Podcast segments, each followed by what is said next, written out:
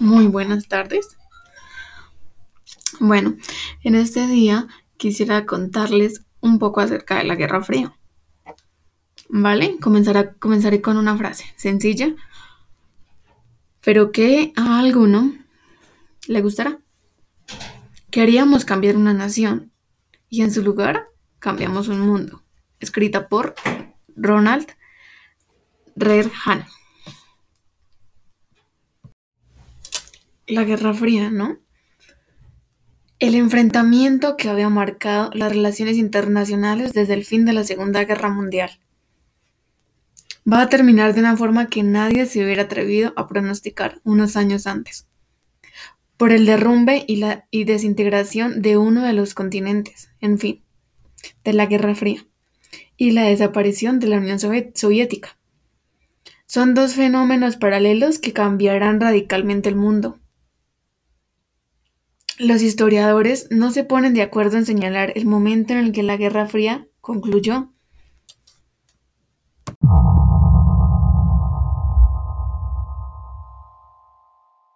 Bueno, ¿y si han tenido recuerdos de esto? Esas clases de sociales en las que nos hablaban de ello. Bueno, ¿cuál es la importancia real de la Guerra Fría? Conocida como la única guerra donde no se dispararon armas. Pero entonces, ¿cómo empieza? La Guerra Fría comenzó poco después de terminar la Segunda Guerra Mundial, el conflicto más destructivo en la historia del planeta. Los, los aliados, incluidos Estados Unidos, Francia, Gran Bretaña y la Unión Soviética, derrotaron a las potencias del eje. Alemania, Japón e Italia.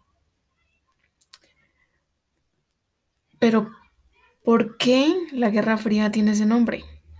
Se le denomina como Guerra Fría porque los Estados Unidos y la Unión Soviética nunca se enfrentaron directamente desde el punto de vista militar, a pesar de que dos naciones eran las únicas superpotencias nucleares de la época capaces de provocar la aniquilación de la humanidad.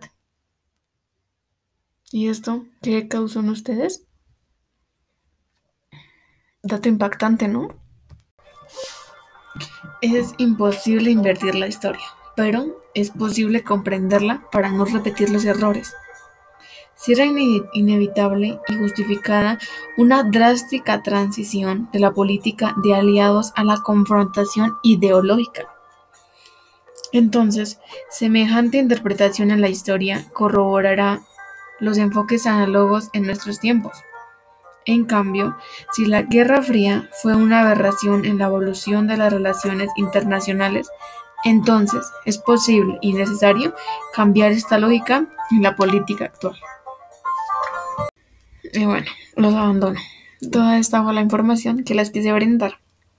Y hasta ahora ¿Cuánto conoces acerca de la Guerra Fría?